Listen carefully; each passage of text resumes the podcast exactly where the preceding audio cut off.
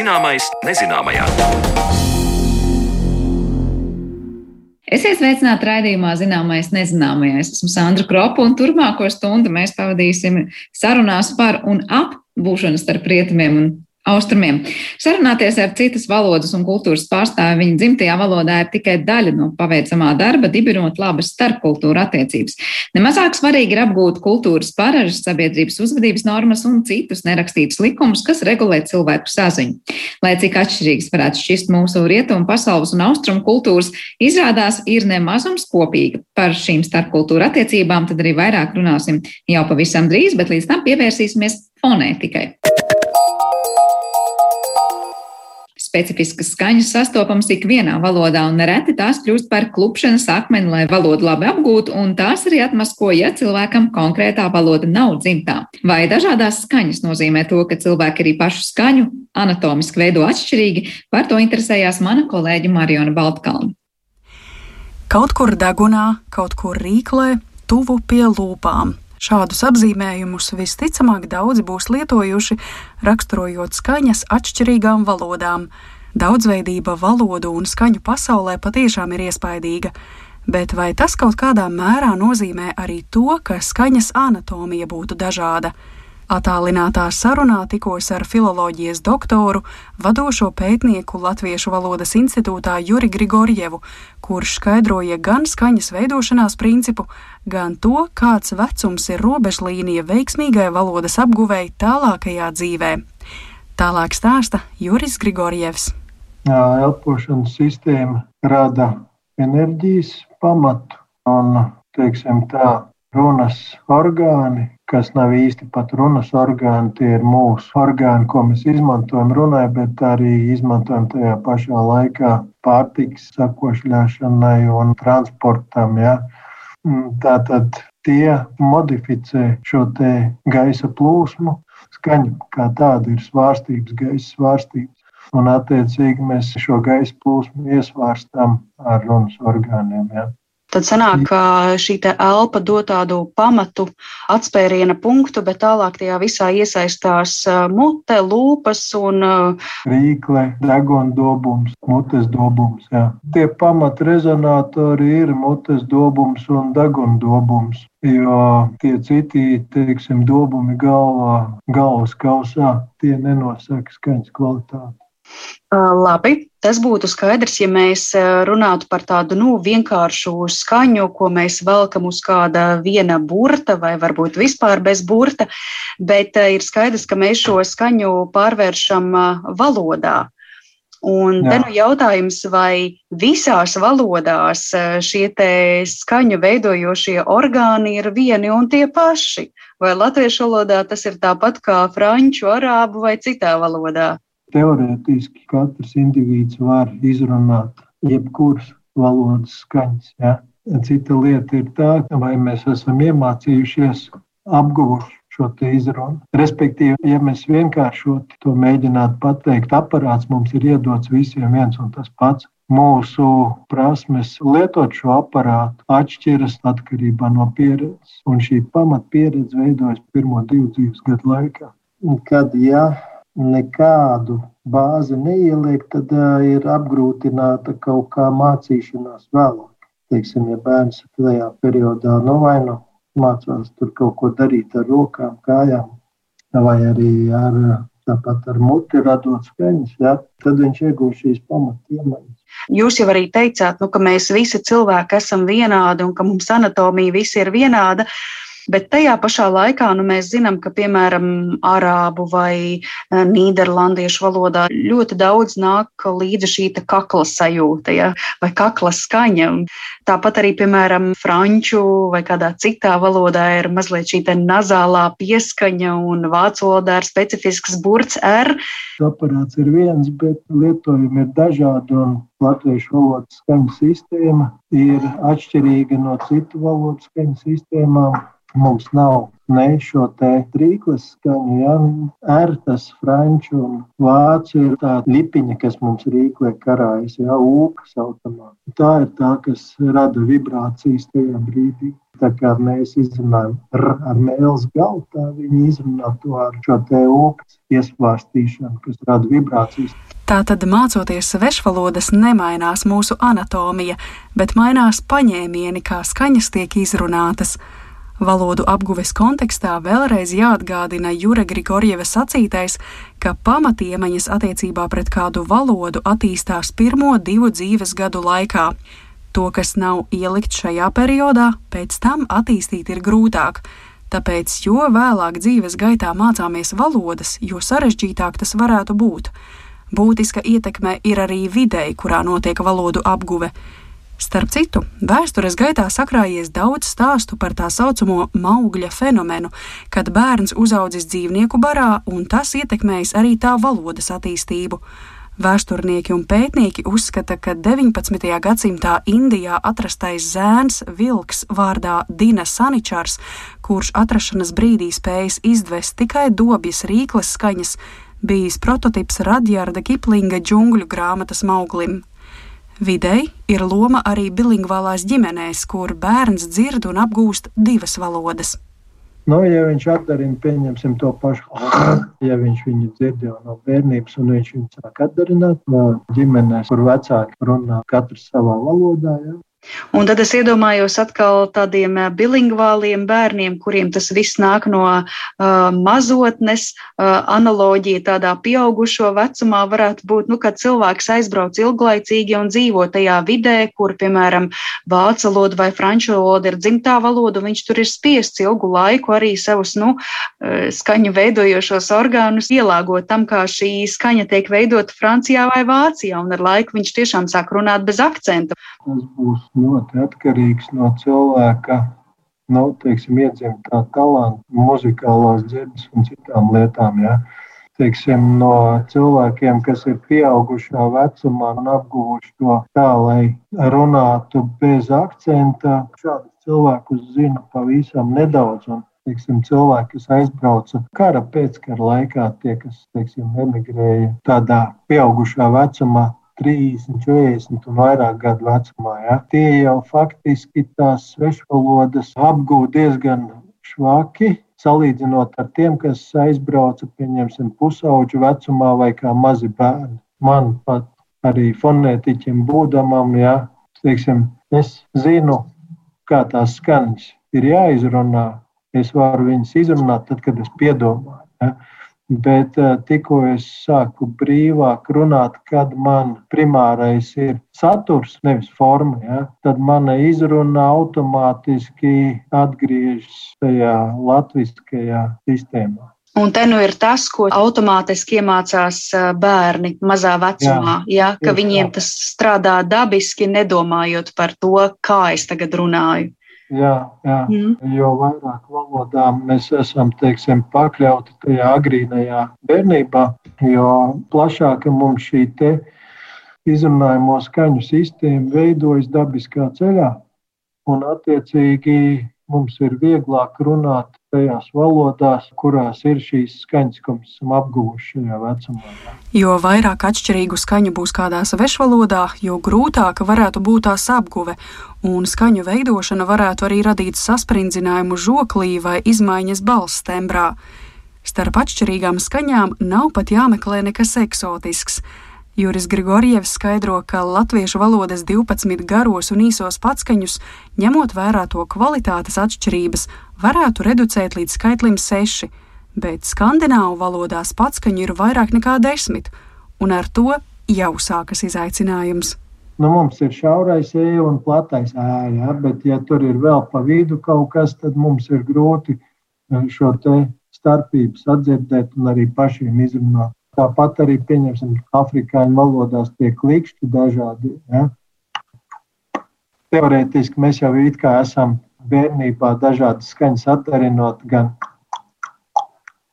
vai vēl kaut ko klikšķus taisījuši. Ja? Bet, kā valodas skaņas viņas izmantot, tur būtu ļoti jāpiepūst. Tāpat, pieņemsim, ja mēs skatāmies uz uh, austrumnieku ķīniešu, vietnamiešu valodām, kur ir svarīgs tonis, tonālā modulācija, ja, kur teiksim, viena zilbe ma var apzīmēt tādas 5, 6 dažādas lietas atkarībā no kā viņu mā, mā, mā un, un citādāk izrunā. Ja.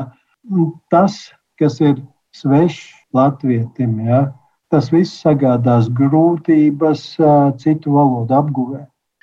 Nu, tieši tāpat arī ārzemniekiem sagādās problēmas mūsu čūšu un arī divskaņi, ie, ej, ai, vai ne? Uh, jā, nu, tiem, kuru valodās viņu nav. Pieņemsim arī, kas krieviem ir problēma, ir tas, ka viņiem pagarināti patskaņi ir tikai uzsvērtajās zilbēs, ja? bet mums var būt garie patskaņi gan uzsvērtās, gan neuzsvērtās zilbēs. Un, teiksim, tad, kad krievs runā latviešu, ja viņš cenšas izrunāt garu patskani, tad viņš parasti to zilbi uzsver. Tā kā, nu, tur uzreiz var dzirdēt un just, ka tas nav latviešu valodas, kā dzimtās valodas runātājs. Domāju, kādu piemēru, nu, vārds um, paralēle. Jā, mums šis te garais uh, patskanis uh, ir neuzsvērtajā zilbē, un tad, attiecīgi, krievu valodā runājošs cilvēks to varētu teikt kā paralēle. Tā sanāk? Nu, kaut kas apmēram, jau citādi, ja viņš viņu neuzsvers, tad viņš tur nevarēs pastiept to. Ja? Tāpat kā arī, ja ir kaut kādas citas skaņas, kas atšķiras no latviešu, ja teiksim, tā kā gan vāciešiem ir tie nopaļotie patskaņi, nu, i, kas būtu kā priekšējais, ja, un viņiem ir ü nopaļot, vai arī ir nenopaļotie, teiksim, tā kā krieviem tas ü latviešiem bieži vien sagādā grūtības. Mm, Latgaļiem ir redz šis te vai ne? Tā, un tāpēc tie, kuriem vismaz dialektā ir bagātāka skaņu sistēma, jā, tiem ir vieglāk izrunāt skaņas, kas ir tādas pašas vai līdzīgas. Par skaņas veidošanās anatomiju un spēju to pielāgot dažādām valodām stāstīja filoloģijas zinātņu doktors, vadošais pētnieks Latviešu valodas institūtā Juris Grigorjevs. Ar viņu attālināti sazinājās mana kolēģa Mariona Baltkalna. Bet raidījuma turpinājumā lūkosim skaidrot, kā valodas zināšanas var palīdzēt dibinot sakarus ar cilvēkiem austrumu kultūrā.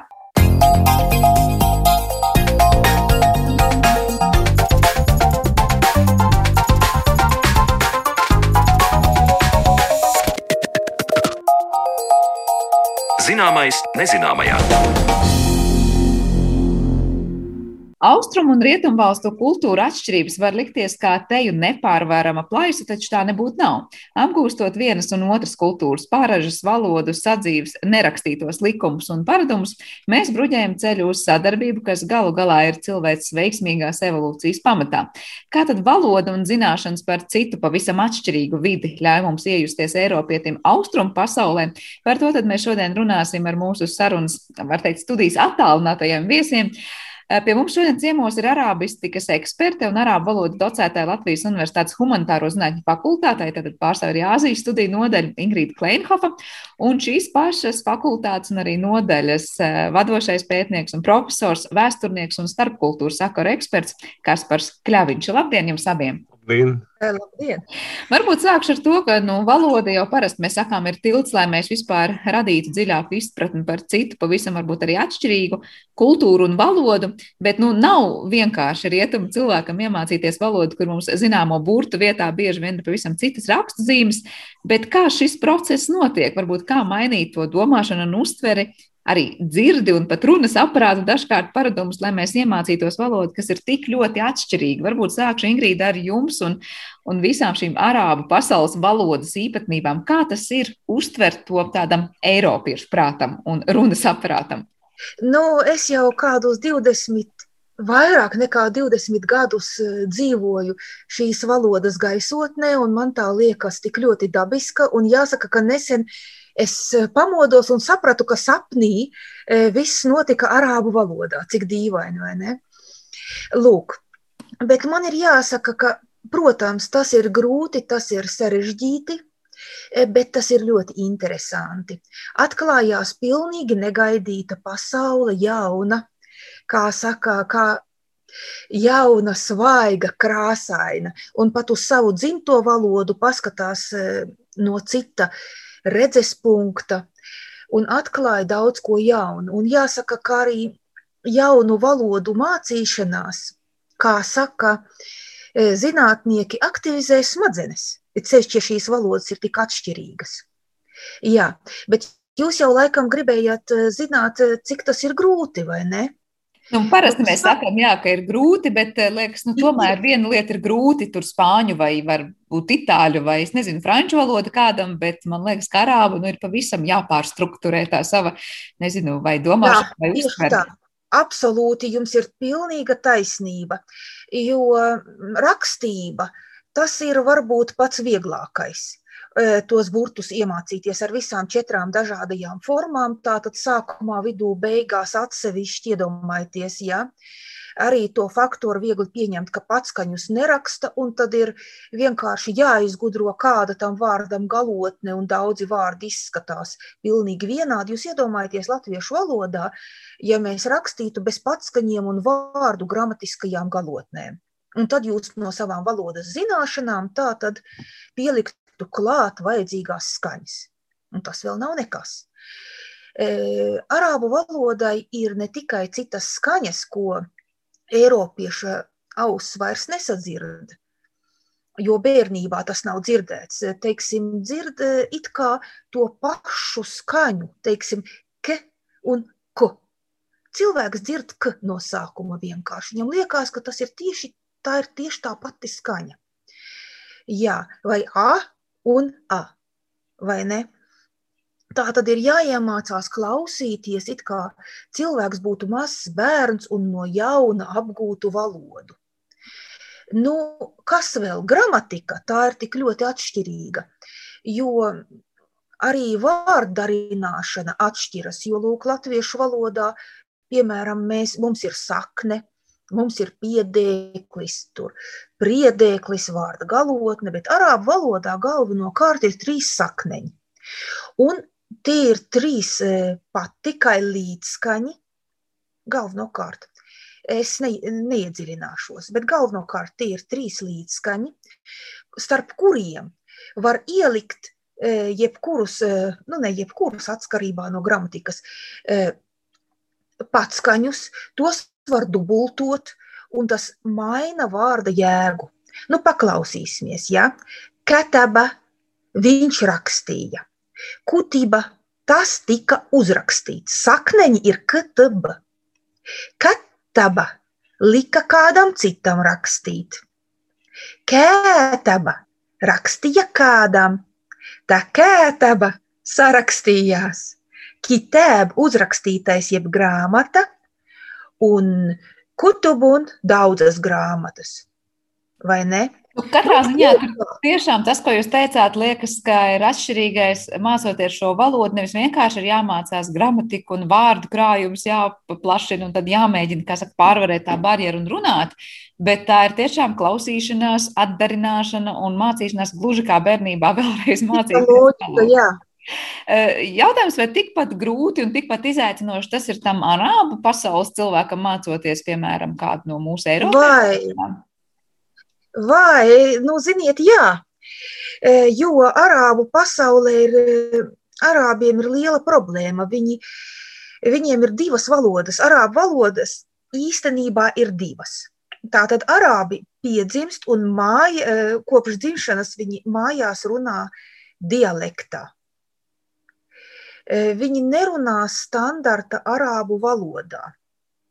Tas ir dialekts, bet literārā arābu valoda, kuru iemācās vēlāk skolā, runā ziņās, kurā raksta un kurā uzrakstīta nu, 95, 99% visu rakstīto, visu rakstīto tekstu ir literārajā vai pat klasiskajā, vēl vecākā arābu valodā šī literārā valoda nav mainījusies praktiski no kopš 8. Eh, gadsimta, ja ne 6. Lūk. Tā, tad, eh, tā ir visai tālu no dialekta. Nu, tas būtu, nu, mm, ar ko man to salīdzināt? Nu, piemēram, ka visas grāmatas būtu uzrakstītas latviešu valodā, bet mājās jūs runātu nu, tikai latgaliski. Un pēc tam latviešu valodu iemācītos skolā.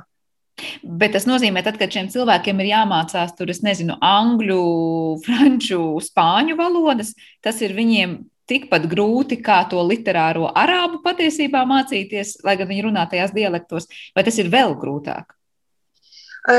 Daudzi arābi domā, ka literāra arābu valoda ir vēl grūtāka. Un ļoti daudzi to gramatiku līdz galam arī neiemācās. Un īstenībā visas šīs gramatikas nianses um, īsti prot tikai e, gramatikas skolotāji, e, tātad e, mullas, tā teikt, nu, protams, arī izglītoti cilvēki daudzi, bet tas ir ļoti sarežģīti šo gramatiku pareizi iemācīties, jo dialektā visas galotnes nocert, un gramatisko galotņu vispār nav, un tāpēc cilvēks iemācās tikai daļu gramatikas. Es nezinu, vai tas bija skaidrs. Jā, es domāju, tas parāda, ka tas tiešām ir ļoti sarežģīts process viņiem pašiem apgūstot savu pašu valodu tajā literārajā, Jā. pareizajā līmenī. Bet droši vien, ka Kasparam ir, ir kas komentējums par to, nu, ka, ja mēs domājam vispār tādā kultūras komunikācijas kontekstā mēs runājam, vai vispār tā ir iespējama, ja mēs tā līdz galam cits citu valodu īsti neiemācāmies, vai tas mums tiešām nozīmē tādu pamatīgu prāta pārslēgšanu. Kāds ir tas jūsu vērojums no malas? Vai tas ir iespējams un tas notiek, vai tomēr nu, mēs katrs dzīvojam un domājam savā kultūrā un nespējam to nekādīgi uh, salikt kopā ar to pretējo kultūru? Ir ļoti daudz arī mītu un visādu nu, tādu izdomājumu arī, protams, es domāju arī par citām, nu, piemēram, par ķīniešu valodu kā ideogrāfisku. Nu, viņai ir arī fonētiski nozīme. Ir daudz, kas vienkārši mantots no sena orientālismu. Un ir ārkārtīgi daudz kultūras formas, kas ir transformētas. Mēs tādā izpratnē nevaram runāt īsti par rietumiem vai austrumiem, jo nu, vis, visas kultūras ir faktiski samiksējušās ja, mūsdienās. Nu, arī pat arābiem, kaut arī viņiem ir, nu, kolēģi zina, kultūra, takafa vai hadāra, ja civilizācija, bet tādi jēdzieni kā demokrātija, barlamāna, diktatūra aiznēst no rietumiem. Bet tas pats jau ir arī citur. Nu, mēs skatāmies, kur mēs gribam. Nu, piemēram, korejieši, pats es pēdējo gadu esmu pavadījis Korejā un, un visu šo gadu man bija arī korejiešu valoda jāmācās intensīvi kursos vienos pēc otra. Un, un tad jūs skatāties, ka arī tur, nu, ņemot vērā, ka tajā zemē ķīniešu valoda ilgus gadus bija un, un citās oficiālā, ja, tad arī šeit, nu, Dosogvāna biblioteka un korejiski tušugvāni ir, ir ķīnieši un tā tālāk. Ja, un bezgalīgi daudz šādu pārnesumu no vienas otrā arī jaucam hieroglifus ar alfabētu, piemēram, korejiešu valoda ir alfabēts, nu, mūsdienās tas, kurā, nu, jeb viņu rakstība. Un, nu, visus viņu šos skaidrojumus viņi jau ļoti vienkārši var vienalga vai, vai palī, vai čončon palī ātri, vai čončonī lēni, vai hangsam vienmēr, vai, vai un tā tālāk, džadžu bieži un tā. Visu to var uzrakstīt ar zīmēm. Savukārt, uh, cik man nācās arī vienlaikus tiku sūtīts arī ķīniešu valodas kursos, man tie tīri kā nu, kultūrologam interesanti, nekā filologam. Arī šīs zīmes, protams, mēs viņus varam uztvērt kā, gan kā zīmes, nu, zīme, kas ir piemēram diena, nu, viņa ir diena un viņa ir saule, vai, vai piemēram, nekavējoties to līdzi momentā, tur būtu divas zīmes, zirgs un uz. Nu, bet mēs jau arī sakām pa zirgiem. Nu, tā, bet mēs jau vairs nerunājam tādā izpratnē. Nu, atgriežoties pie kultūrām, nu, man pašam gan ir krietnes sajaukums, jo man ir nācies mācīties daudz, lai vienkārši komunicētu, ja arī persiešu, tā skaitā vienkārši, lai komunicētu, nevis filoloģiskas intereses vai vai tādas, un, un, un, un pēdējā gada pieredze korejiešu. Jāsaka, ka kultūras ir svešas kultūras ir veicinājušas vietējās identitātes. Piemēram, Korejā korejiešu alfabēts, kas tika izgudrots ko valdnieks, nu, jeb valdnieku vadībā, viņš tika radīts 15. gadsimtā. viņš kļuva populārs pateicoties kristiešu misionāriem, tāpēc ka kristiešu misionāri veicināja literatūru tautas valodā, tāpat kā hernkūtieši Latvijā, mēs teiktu. Nu, nu, tas viss saprotams, kultūras šausmīgi līdzīgas un arī viņu vēstures līdzīgas. Nav tur tādu atšķirību šaušalīgi. Citur ir šīs atšķirības. Mm, atšķirības ir varbūt domāšanās tādās senās mācībās, bet tik tālu, cik tālu valstis realizē politikas, viņas bieži nav austrumu valstis, viņas ir rietumu valstis. Nu, Ķīna vēl ir uzticīga savai tādai tradīcijai politikā, nu, bet, piemēram, Indonēzija, nu, Bahas indonēziešu valoda, nu, labi, nu, bet viņa patiesībā ir eh, malajiešu valoda. Nu, viņā runā 10% iedzīvotāji, bet rakstība jau ir latīņu. Jūs tikko teicāt par to, ka patiesībā mēs eh, cits citu pat brīžiem nesaprotam, un vēl jau vairāk, protams, es domāju, cik maz ir tas procents varbūt cilvēku, kas patiešām eh, filoloģisku vai kādu citu kulturoloģisku motīvu vadīt apgūst šīs eksotiskās tālās valodas. Bet, piemēram, tāds fenomens kā šobrīd pusauģu vidū tik ļoti populārais, nezinu, korejiešu pops un varbūt tāda modes lieta lieta pat aizrauties ar, ar korejiešu, es pat nezinu, kultūru vai valodu, vai var teikt jautājums, vai kā jūs to skaidrot, ka tas ir kaut kas tik eksotisks, ko nu diez vai pusauds pilnībā saprot, par ko ir stāsts un kas notiek tajā korejiešu valodā, un tomēr tas gūst Eiropā tādu popularitāti. Ar ko jūs to skaidrot? Tā ir ļoti, ļoti nopietna kultūras politikas stratēģija. Aiz šīm Korejas grupām stāv milzīgas kompānijas, kas viņas veicina, finansē. Āzijas te ir šīs atšķirības. Ja? Āzijas valstīs ir mazāk individu, individu tādu, ir ļoti daudz ir individuāls iniciatīvas un centības, bet individi, kas strādā grupās, viņiem ir ļoti svarīgs atbalsts. Ja? Un pat šķietami alternatīvas grupas patiesībā saņem lielu valsts kultūra politikas atbalstu, jo tā ir vesela valsts kultūra politikas stratēģija. Un tās ir lielas kompānijas, kas nav tikai mūzikas, kas ir pat saistītas ar medicīnu, ar kosmētiku. Ja? Tie ir lieli, lieli, nopietni tādi nu, koncerni, kas atbalsta šīs grupas vienlaikus ļoti gudri studējot situāciju pasaulē, pielāgojoties momentam, vienlaikus integrējot to labāko no savas tradīcijas, cik tas ir iespējams tādos globalizācijas apstākļos. Ingrīda, vai jums būs piebilstams kaut kas? Es nezinu, vai tieši par korejiešu kultūras un valodas ienākšanu, vai vairāk par arābu. Zinu, ka jūs esat izteikusies arī citos raidījumos, ka tā ir tāda ļoti laba satīras valoda un jautājums, kā tas strādā mūsu platuma grādos. Nu, arābu valodā var izteikties ļoti puķaini visos reģistros.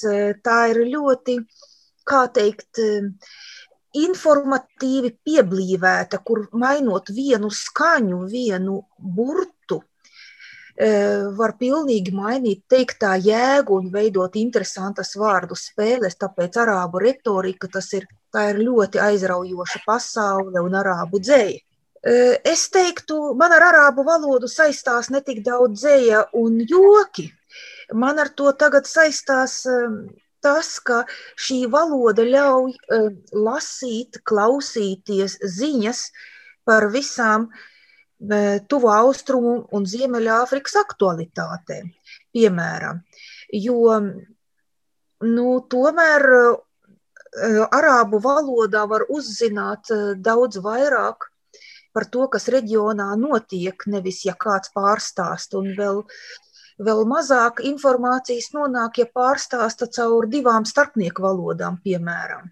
Kas, protams, tiešām tādā, nu, ja mēs vērojam tādus politiskos procesus, ir ļoti, ļoti aktuāli. Bet tik pie pirmā vota, protams, nu, katram ziņu kanālam droši vien uh, nav paspēkam, ja mēs runājam par arābu valodu. Bet uh, mēs tagad daudz esam dzīvojuši visu šo gadu un pat vairāk attālinātajā pasaulē. Es domāju, nu, ne tikai rietumu pasaulē, arī austrumos daudz kas ir kļuvis attālināti vai šie te es nezinu, kultūras un komunikācijas principi vai vispār tas, kā mēs komunicējam attālinātajā vidē starp rietumiem un austrumiem ir mainījies. Ingrīda, varbūt jūs, un tad pēc tam Kasparam. Nu, uzreiz, jā, man pārsteidza tas, mani pārsteidza tas, ka arābi, kuri vienmēr paļaujas uz tikšanos klātienē. Viņiem ir svarīgi tikties aci pret aci, runāt, būt blakus.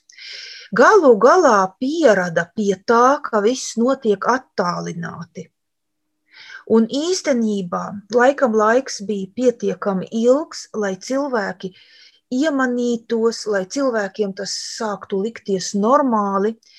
Jā, jo parasti jau arābu pasaulē ne tikai piezvanīt ir par maz, jā, nu, internetā daudz ko vienkārši nevar atrast, ir jāzvana, un bieži nevar sazvanīt, un tad ir jāiet pie tā cilvēka un ar viņu jārunā, vai ne? Bet tomēr pandēmija visu ir mainījusi. Bet jūs prāt, tas tāpēc, ka vienkārši arī viņiem nebija citas izvēles, un var teikt, visa pārējā pasaule bija Un viņi var teikt ļoti nu, ātri. Tā nevar darīt. Nu, labāk tā, nekā pavisam nekā. Kas par kā jums liekas par šo pārstruktūrēšanu savas varbūt pat tiešām, nu, pie, kas viņiem ir pieņemams un nepieņemams komunikācijā? Nu, komunikācija attālināti ir iespējams ar visiem. Ja? Pie tā var pierast ātri, bet atcerēsimies vēl vienu lietu, ka jāsaprot, ir līdzības ļoti lielas. Nu, piemēram, kāds ir vietnamiešu alfabēts? Nu, mans jautājums, ja? kādu lieto? Ja? Latīņu alfabētu lieto vietnamieši, jezuītu pārnest, kādu alfabētu lieto indonēzieši, pamatā latīņu. Pie tam, tad, kad Indonēzija bija koloniāli pakļauta, e, viņi vairāk lietoja savu to javīru rakstību, ja, jo arī viņi nevarēja arābu valodu iemācīties, un viņiem bija, viņi vismaz burtus varēja lietot. Bet tieši neatkarīgajā Indonēzijā izzuda neatkarība nenozīmē vienmēr nacionālās identitātes stiprināšanu. Ir ļoti daudz nācijas, kas principā nu, no valodas viedokļa ir lieto, nu, mēs varētu teikt, Eiropiešu rakstību. Ja? Un arī no ideju viedokļa, nu, piemēram, Indija, nu, lingvistiskie štati, kā ideja, lingvistiskā ideja, kā etnos ir Johana Gottfrieda Herdera ideja. Herders mums saistās ar Rīgu. Ja? Un, nu, mēs runājam par attālinājumu, jāsaprot ir tās līdzības. Nu, un, un, un Indijā tā rezultātā, tad, kad sāka veidot lingvistiskos štatus, tur apmēram 170 cilvēki atnāca un katrs viens reprezentēja vienu valodu. Nu, ko šai situācijā varēja darīt? Nu, ļoti atgriezās angļu valodas loma, ja komunikācijā, tā skaitā online komunikācijā, vispirms viņi būs angliski. Tās atšķirības nav šeit valodās, atšķirības sākas senākā slānī. Nu, piemēram, rietumu domāšana ir substitutīva. Ja, ja nav viens, tad ir otrs. Mēs nepieņemam. Nu, Indijā viņa bija aditīva. Tas nozīmē, ka jau senatnē viens dievs var pārņemt citu vietu, dievu funkcijas, Mēs nevis aizstājam, bet pievienojam, pievienojam, pievienojam. Bet eh, tā politika valsts ir rietumu pārņemta. Ja? Viņa nav Indijas no šiem laikiem vairāk. Tāpēc mums eh, nu, ļoti jāuz, jāuzmanās un jā, jāatbrīvojas no visāda veida tāda atšķirība, izgudrošanas, kuras patiesībā nepastāv. Tad es sanāku no jūsu teiktā, ka patiesībā tās valstis daudz, kur arī tīri politiski sen jau ir daudz līdzīgākas mūsu rietumu kultūrai nekā mums šeit rietumos gribas uzskatīt? Ir dažādas pieredzes, ir, kur ir mehāniski pārnests rietumu modelis, kas ir beidzies ar katastrofu. Ja? Atsevišķos gadījumos. Un ir kā piemēram citur, kā Vietnamā, kur tas ir veiksmīgi, nu, šīs latīņu alfabēts, bet vietējā, viena no vietējās, nu, vietējām lielākām valodām tā tad tiek mācīta citām etniskām grupām, un šeit tas ir veiksmīgi. Ja? Bet ir citur, kur ir um, bieži vien iegūstot neatkarību Āzijas uh, valstis, jaunās, uh, dažādu strīdu, konfliktu un, un, un arī ārzemju, tā skaitā rietumu manipulācijas rezultātā, kā galveno valodu neatkarības brīdī izvēlējās kādu no bijušo kolonizatoru valodām. Nu, un šajā gadījumā viņu, viņu ide, kultūras identitāte pat cieta vairāk nekā tas bija iepriekšējā periodā. Tas arī ir noticis Eiropā, tas nav tikai nu, Āzijā. Ja? Piemēram, Austrum Timoras situācija ja? un šausmīgā cīņa par neatkarību Un, eh, nu, kāda ir tā situācija šodien? Eh, mums ir jāsaprot, ka mēs nevaram, nevaram jaukt, mēs nevaram identificēt mm, ar kādām personām vai idejām, teikt, ka tā tur ir tolerance un tur nē. Rainis nav Latvija. Rainis ir izņēmums Latvijas, Latvijas domāšanā un kultūrā. Ja? Cilvēks, kurš nu, tādā ļoti sāsinātos apstākļos spēja pateikt, mana tautība ir cilvēks, nav īsti neiekļaujas tā laika diskursā. Un, un Gandijs neiekļaujas Indijas diskursā. Gandijs ir Gandijs. Viņš ir pretstats. Vienmēr saka, ka Hagavad Gita ir tolerances var teikt, nu, tāds nu, tā sāk, tolerances bībeli. Bet palasiet, tur jau neiet runa par toleranci. Tur drīzāk nu, varonim, um, varonis ir stimulēts turpināt kārdarbību. Gandijs to interpretē ļoti toleranti. Un te ir šī Indijas senā domāšanas tradīcija, ko viņš veiksmīgi piesaista, tāpēc, ka viņš to prot atrast un izmantot. Cits to neprot. Ja? Tāpat arī vēl ir jāsaka, ka nu, kultūras varbūt atšķirās runāšanā un klusēšanā. Austrumāzija ir arī klusēšanas kultūra. Mēs sakām, latviešiem ir teiciens: klusēšana zelts, runāšana sudrabs. Ja?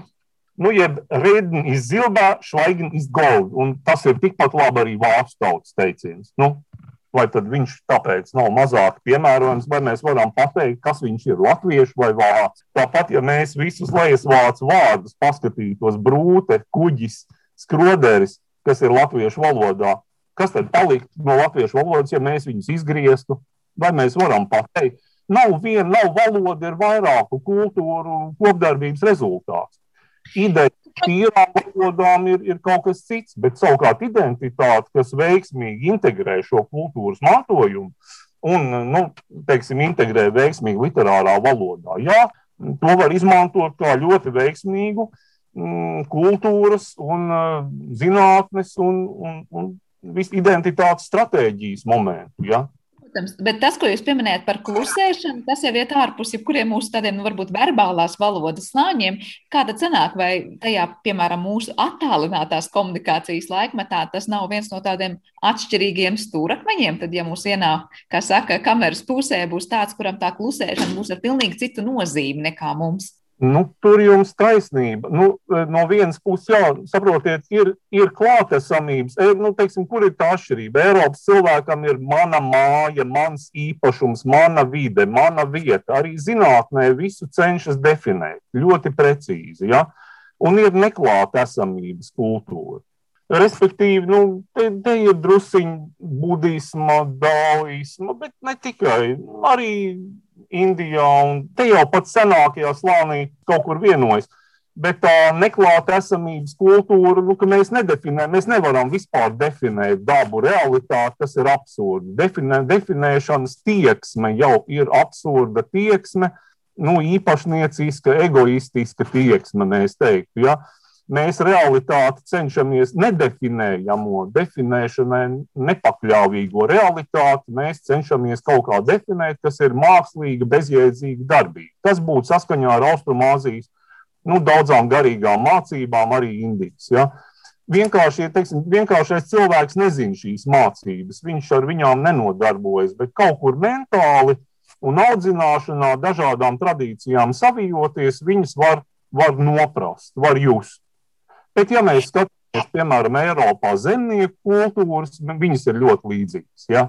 Arī te mēs viņus varam just, tikai viņas jau ir nu, modernizācijas procesā savādāk transformējušās. Tā. Jā, to, ka ir netrūks, es pieņemu dažādu slāņu, es pat nerunāju par niansēm, kuras būtu vērts izzināt, lai tā mūsu starpkultūra komunikācija šajā pasaulē citam ar citu, protams, būtu maksimāli veiksmīga un, un precīza.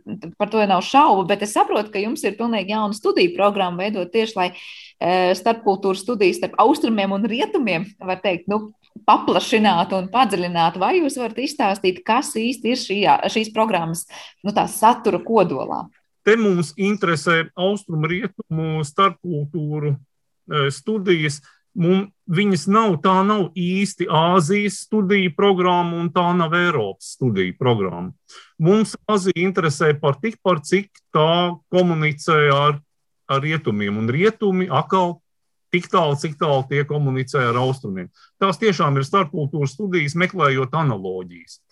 Viņās ir paredzēta arī vairāk valodu mācīšanās, bet tā, tā, tas, tā programma ir domāta starpniekiem. Pie tam uh, atbrīvojot viņus no stereotipiem un tiešām orientējot uz praktisku starpniecību. Nevienu nevien valodu, var, valodu var mācīties divus mūžus un nekad neiemācīties. Nu, tāpat kā mēs varam teikt, nekad nevar iemācīties staigāt, nu, bet kaut kā staigājam. Nu. Ingrīda, jums būs kas piebilstams, kā jūs raksturot to šo lielo izaicinājumu? Noteikti, jo būt starpniekam, starp kultūrām, tā ir atsevišķa prasme, kas jākopj. Prasme paskatīties, nu tā teikt, kaut kur no telpas ārpus visām šīm kultūrām. Vai ne? Šī prasme varbūt intuitīvi, dabiski izveidojās cilvēkiem, kuri ir ilgu laiku dzīvojuši kultūru saskarsmes vidē.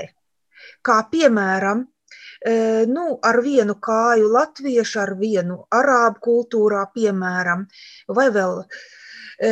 Un cilvēki automātiski ne tikai teiksim, ar vienu cilvēku runā latviešu, ar otru krieviski, ar trešo angliski, pielāgo savu izturēšanos, savus žestus, prot ieskaidrot šim cilvēkam tā, lai viņš saprastu, kas domāts, prot izlabot komunikācijas kļūdas. Lūk, tā ir atsevišķa prasme, un tā ir jākopj. Un mēs tieši tāpēc, ka esam ilgu laiku dzīvojuši vidē, kur saskaras daudzas kultūras, jā, mēs patiešām vēlētos studentiem iemācīt jau no mūsu skatu punkta. E, mēs gājām to grūto ceļu, bet viņiem varēsim palīdzēt jau no savas e, pieredzes, tā teikt, augstumiem. Var teikt tieši tā, kā saka viens, kas ir izlauzis ceļu, jau var, protams, jā, palīdzēt. Jā, tiem, tieši seko. Bet tas, ko jūs tiešām teicāt, ļoti precīzi raksturo prasme būt starp kultūrām, ir kaut kas, kas ir jākopj. Un uh, man prieks, ka tiešām mums ir par vienu studiju programmu vairāk būs. Tātad, kas to darīs? Un uh, es pieņemu, ka tur būs gan interesanti temati, par kuriem mēs noteikti vēl varēsim parunāt arī kādā no turpmākajiem raidījumiem. Bet šajā reizē es teikšu jums abiem ļoti lielu paldies par to, ka palīdzējāt mums ieskicēt tiešām teikšu tikai pavisam nedaudz to lielo plašumu, par kuru mums būtu jādomā un jārunā ja mēs vispār sākam domāt par starpkultūru komunikāciju tik plašā mērogā. Atgādināšu mūsu klausītājiem, ka arābistikas eksperti un arābu valodas docētāji Latvijas Universitātes humanitāro zinātņu fakultātē, Āzijas studiju nodaļā Ingrīda Kleinhofa, kā arī šīs pašas universitātes eh, fakultātes un uh, Āzijas studiju nodaļas vadošais pētnieks un profesors, vēsturnieks un starpkultūras sakaru eksperts Kaspars Kļaviņš šodien arī bija mūsu attālinātajā studijā. Ar to arī šīs raidījums ir izskanējis. Par to parūpējās producents Paula Gulbīnska un mūzikas redaktors šai stundai bija Girds Bišs. Savukārt ar jums kopā bija Sandra Kropa un mēs tiekamies jau pavisam drīz.